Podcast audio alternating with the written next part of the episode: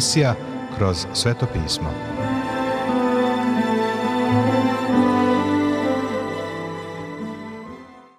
Dobroveče, poštovani slušaoci i dobrodošli u još jednu emisiju programa Kroz sveto pismo, programa koji je za vas napisao Vernon McGee, a pročitao Branko Bjelajac. Želimo vam prijetno i blagoslovljeno slušanje.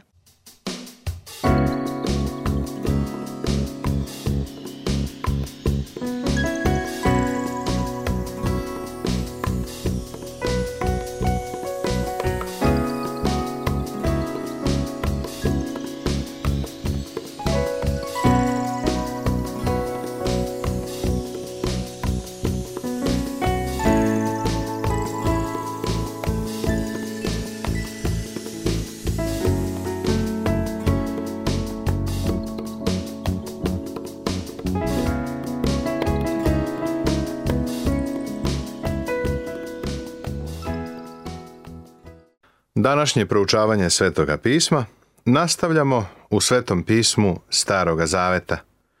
U knjizi proroka Danila, u sedmom poglavlju i naše razmatranje započinjemo sa šestim stihom. Potom videh igle, druga kao ris, imaše na leđima četiri krila kao ptica i četiri glave imaše zver – i dade joj se vlast. Ris, odnosno leopard, zapravo bolje bi bilo prevesti kao panter. On iznenadno skače na bespomoćni plen i predstavlja grčko-makedonsko carstvo Aleksandra Velikog. Četiri krila dalje naglašavaju sposobnost Aleksandra Velikog da brzo premešta svoju vojsku i da neočekivano udari. Kada bismo pravili poređenje, Navuhodonorova vojska bi izgledala kao jedan spori voz. Snažni narodi koji su postigli nadmoć u svetu uspevali su da se kreću velikom brzinom. Danas, tokom hladnog rata, bili smo svedoci trke u raketnom naoružanju i daljeg napredovanja procesa u kojem se dodaje više krila narodima. Četiri glave opisuju podelu Aleksandrovog carstva u vreme njegove smrti, u ranim 30. godinama njegovog života. Vavilon je pao u pijankama, baš kao i Aleksandar. Na isti način su pali. I naš narod danas ide istim putem.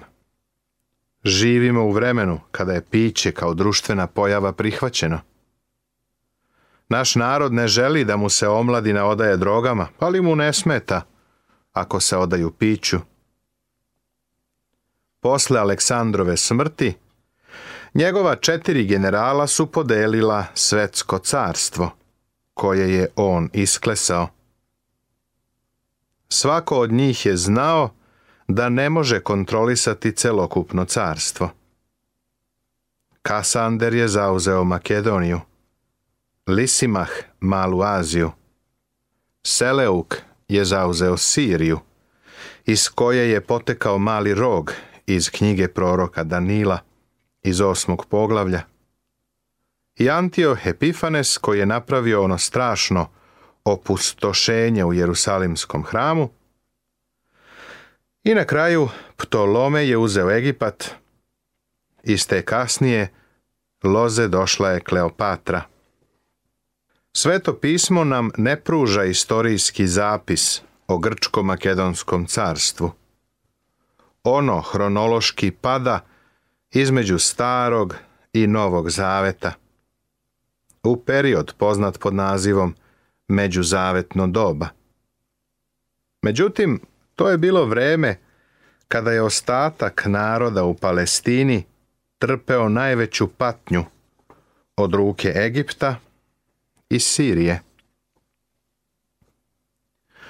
Potom videh u utvarama noćnim, igle, četvrta zver, koje se trebaše bojati, strašna i vrlo jaka, i imaše velike zube gvozdene. Jeđaše i satiraše i gažaše nogama ostatak. I razlikovaše se od svih zveri pređašnjih. I imaše deset rogova. Ova neopisiva zver sa deset rogova predstavlja rimsko carstvo. Baš kao i gvozdene noge, kakve je imao Navuhodonosorov lik. Detalje ovoga ćemo tumačiti u stihovima od 19. do 23. Želimo da prihvatimo objašnjenje koje nam je duh sveti dao, pa će nas to osloboditi od spekulacija. Više pažnje je posvećeno četvrtoj zveri nego svima ostalima zajedno. Ovaj deo nam je veoma važan, jer živimo u vremenu četvrte zveri – u vremenu kada deset rogova i deset prstiju počinju da se manifestuju.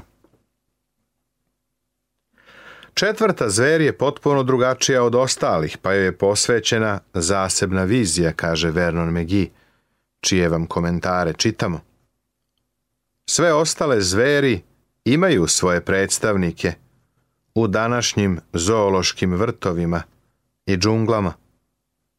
Svi smo videli lava, medveda ili risa. Ali niko nije video ovakvu zver, ni na zemlji, ni u vodi, ni u vazduhu. Ovo je zaista neobična zver. Ako si noću sanja ovakve zveri, mislim da ti tablete za spavanje ne bi pomogle, pa bi ostatak noći probdeo. Zver je opisana kao ona koje se trebaše bojati, strašna i vrlo jaka. Ova zver predstavlja rimsko carstvo i odlikovana je snagom. Ona je izazivala strah i nije bila slična ni jednoj prethodnoj zveri. Imaše velike zube gvozdene. Ovo se poistovećuje sa gvozdenim nogama – u viziji o onom liku. Sve to je rimsko carstvo. Gvozdena peta Rima je bila na vratu sveta tokom jednog milenijuma. Veoma mnogo je rečeno o rimskom carstvu, a ono još i danas zadivljuje istoričare. Gibon je o njemu ovako rekao. Carstvo Rimljana je ispunjavalo svet a kada je palo u ruke jedne osobe, svet je postao sigurna i dosadna tamnica za njegove neprijatelje. Bilo je fatalno odupreti mu se i nemoguće pobeći. Drugi pisac, dr. Robert Calver, koji ima veoma dobru knjigu o Danilovoj proročkoj knjizi koja se zove Dekoder snova, ovako je izjavio. Pre dva milenijuma Rim je svetu podario ekumensko jedinstvo, koje traže Liga naroda i Ujedinjene nacije u našem dobru. Savremeni pokušaji uopšte nisu naši, kao što većina savremenika pretpostavlja, nego su otkriće ideala drevnog Rima – koji nikada, još od vremena Cezara Avgusta, nije u potpunosti izgubljen. Rimsko carstvo se prosto raspalo. Živi u mnogobrojnim delovima, odnosno narodima Europe.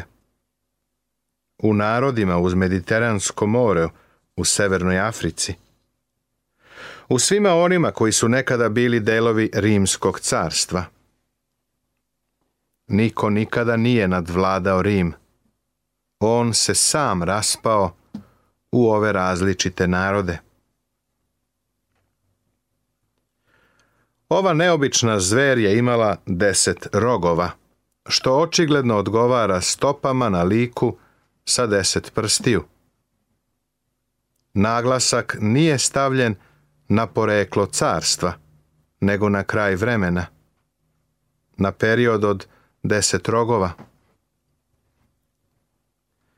Vizija o četiri zveri je čak važnija za nas, jer se još nije ispunila. Očigledno živimo u nekom periodu blizu kraja vremena. Vizije o tri zveri su se ispunile, što znači da se doslovno ispunilo proroštvo.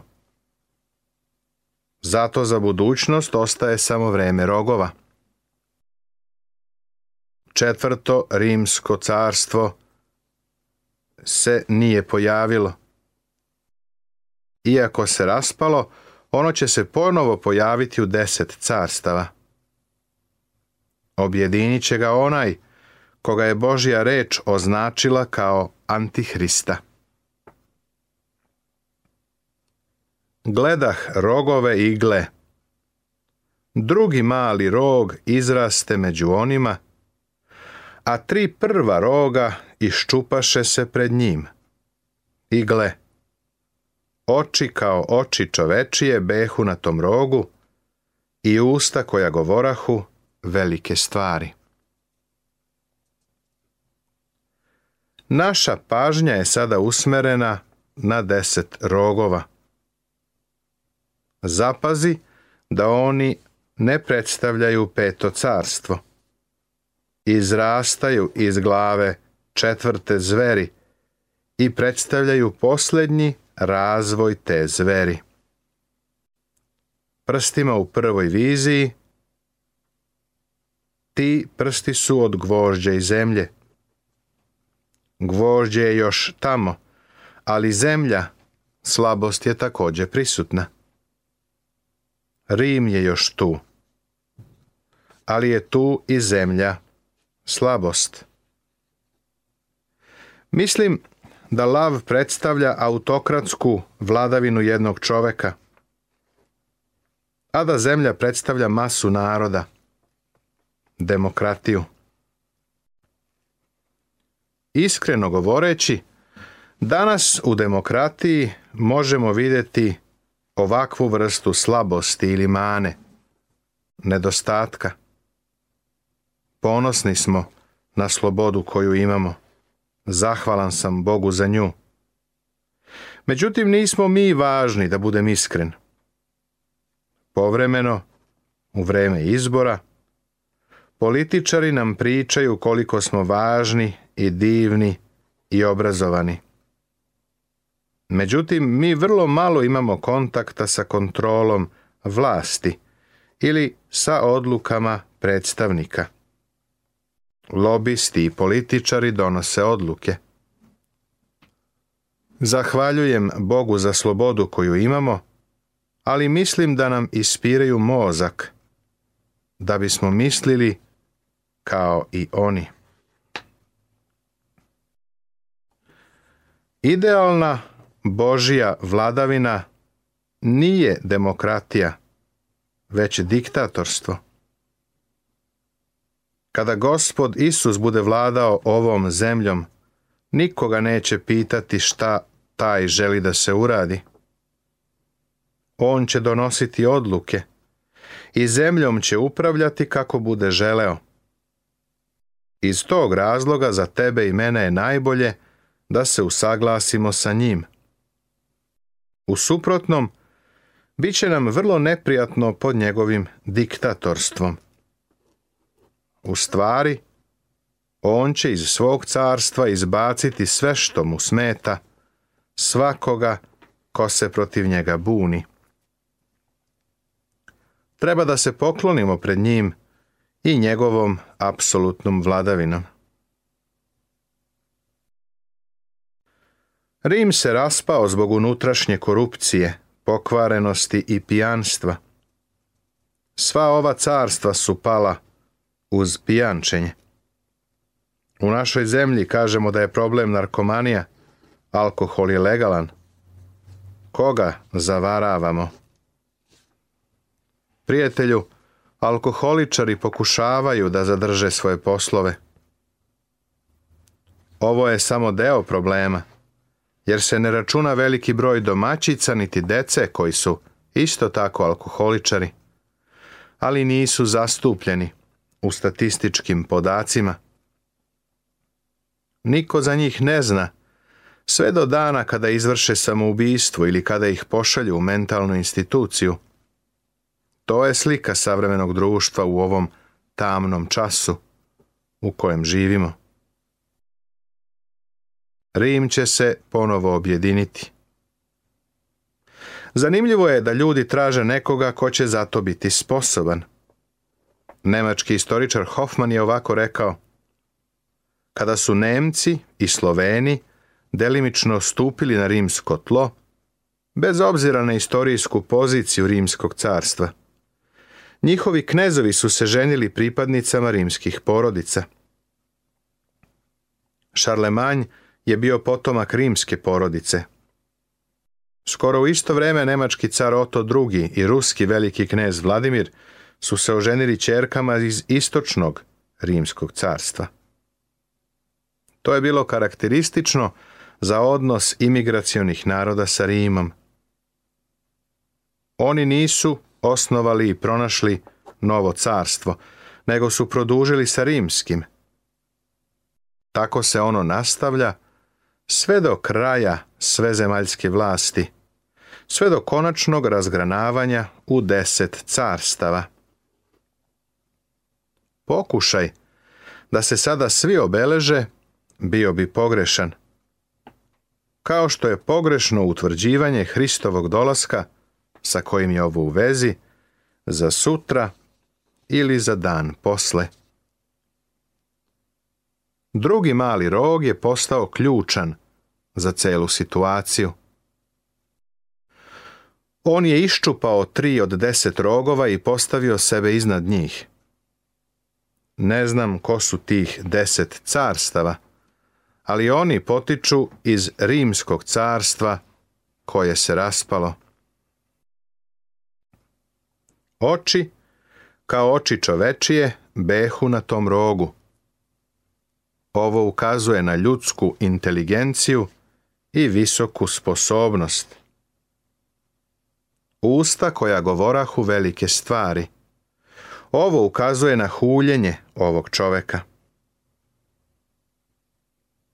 Vizija kako sin čoveči dolazi na nebeskim oblacima. Gledah dokle se postaviše prestoli. I starac sede na kome beše odelo belo kao sneg, i kosa na glavi kao čista vuna. Presto mu beše kao plamen ognjeni, točkovi mu kao oganj razgoreo. Prizor se prebacuje na nebo i pokazuje se Božiji presto. Ovo je isti prizor koji je opisan u poglavljima četvrtom i petom knjige otkrivenja. Ovo je priprema za sud velike nevolje i za drugi Hristov dolazak na zemlju. Gledah dokle se postaviše prestoli. Ovo se podudara sa onim što piše u otkrivenju četvrtom poglavlju, četvrtom stihu. Dok u otkrivenju Jovan daje broj starešina i druge detalje, Danilo se ne bavi tim – pošto ono čime je on obuzet ne podrazumeva crkvu i njenu budućnost. Starac u ovom stihu, taj drevni, je zapravo večni bog. Na kome beše odelo belo kao sneg? Ovo se odnosi na njegove osobine, na svetost i pravednost kosa na glavi kao čista vuna. Ovo govori o njegovoj večnoj mudrosti. Presto mu beše kao plamen ognjeni. Ovo govori o sudu. Vidio ovome otkrivenje Jovanovo četvrto poglavlje peti stih. Točkovi mu kao oganj razgoreo. Ovo ukazuje na neumornu snagu i neumornu silu Božju vidi knjigu proroka Jezekilja prvo poglavlje, taj opis od 13. do 21. stiha. Reka ognjena izlažaše i tečaše ispred njega. Hiljada hiljada služaše mu i deset hiljada po deset hiljada stajahu pred njim. Sud sede i knjige se otvoriše. Ovo nije sud pred velikim belim tronom koji će biti posle hiljadugodišnjeg carstva. Ovo je uspostavljanje suda velike nevolje i Hristov povratak da uspostavi svoje hiljadugodišnje carstvo na zemlji. Vidi otkrivenje Jovanovo peto poglavlje od 11. do 14. stiha. Tada gledah radi glasa velikih reči koje govoraše onaj rog. I gledah dokle ne bi ubijena zver. I telo joj se raščini i dade se da izgori ognjem. Dok Bog na nebu postavlja sve za sud, kada će odrediti ko će ući u njegovo carstvo, na zemlji se mali rog hvali i huli. Vidi otkrivenje Jovanovo 13. poglavlje, 5. i 6. stih. Međutim, njegov sud je utvrđen i njegovo carstvo propalo. Ovo carstvo je predstavljeno posljednjom zveri i nije na samom početku, nego na kraju. Pojavljivanje malog roga se odvija neposredno pred Hristov dolazak, kada će suditi narodima i pojedincima. Ovo je vreme velike nevolje. Nastavit će se.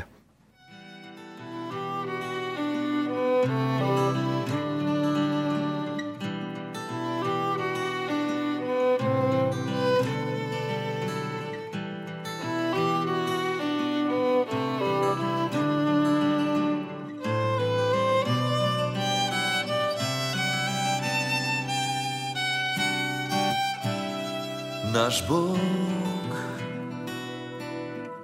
je silan i vlada nad zemljom svom. Naš Bog spasitelj je života tvog i mog. Naš Bog je silan i vlada nad zemljom svom. naš Bog je života tvog i mog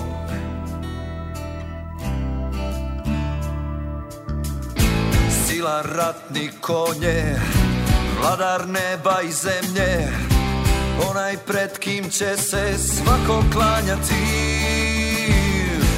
Iznad njega nema Ono koji vlada jer on je Bog, jer on je Bog. Pusti ga da uđe u život tvoj, jer on je rekao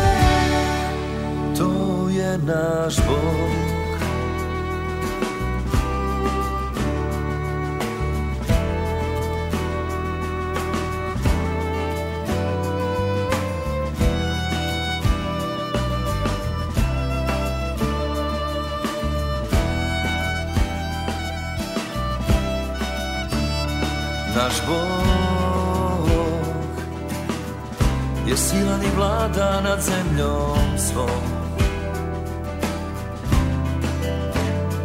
Naš Bog Spasitelj života tvog i mog Naš Bog Je silan i vlada nad zemljom svom Naš Bog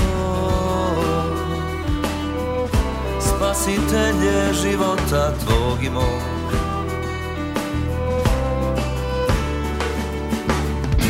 Sila ratni konje, vladar neba i zemlje, onaj pred kim će se svako klanjati. Iznad njega nema ono koji vlada, jer on je Bog, jer on je Bog. uđe u život tvoj Jer on je rekao koji mi dođe Ja neću ga izbaciti na polje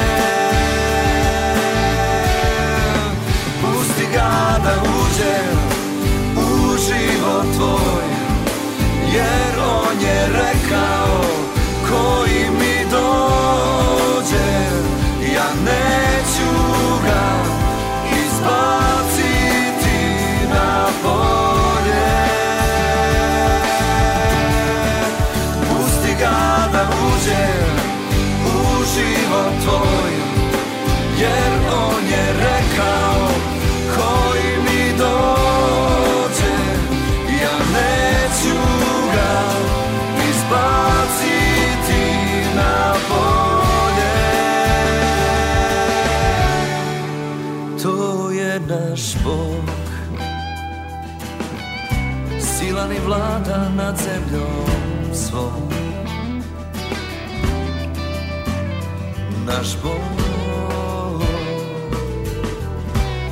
spasitelje života tvog i mog Naš Bog je silan i vlada na zemljom svom Naš Bog spasitelje života tvog i mog Naš Bog spasitelje života tvog i Poštovani slušaoci, završena je još jedna emisija iz serijala Kroz sveto pismo. Ovaj program možete da slušate svakog radnog dana na talasnoj dužini od 1548 kHz u vremenu od 22 sata do 22 sata i 30 minuta. Ukoliko želite da nam se javite, da nas pohvalite ili pokudite, da nam predložite izmene kojima bismo mogli da poboljšamo naš program, ali i da vas nagradimo kakvom dobrom hrišćanskom knjigom, novim zavetom ili celom Biblijom. Na raspolaganju su vam telefon, elektronska pošta ili obična pošta. Broj našeg telefona je plus 381 062 396 331.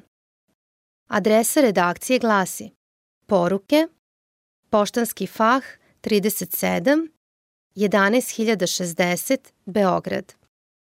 Elektronskom poštom nas možete kontaktirati na kroz svetopismo at gmail.com. Također, pripremili smo vam i web stranicu na kojoj možete pronaći sve naše programe. Adresa web stranice je www.twr povlaka To bi za večeras sa naše strane bilo sve. Pozdravljaju vas i žele vam Boži blagoslov Branko, Nebojša i Monika. Laku noć!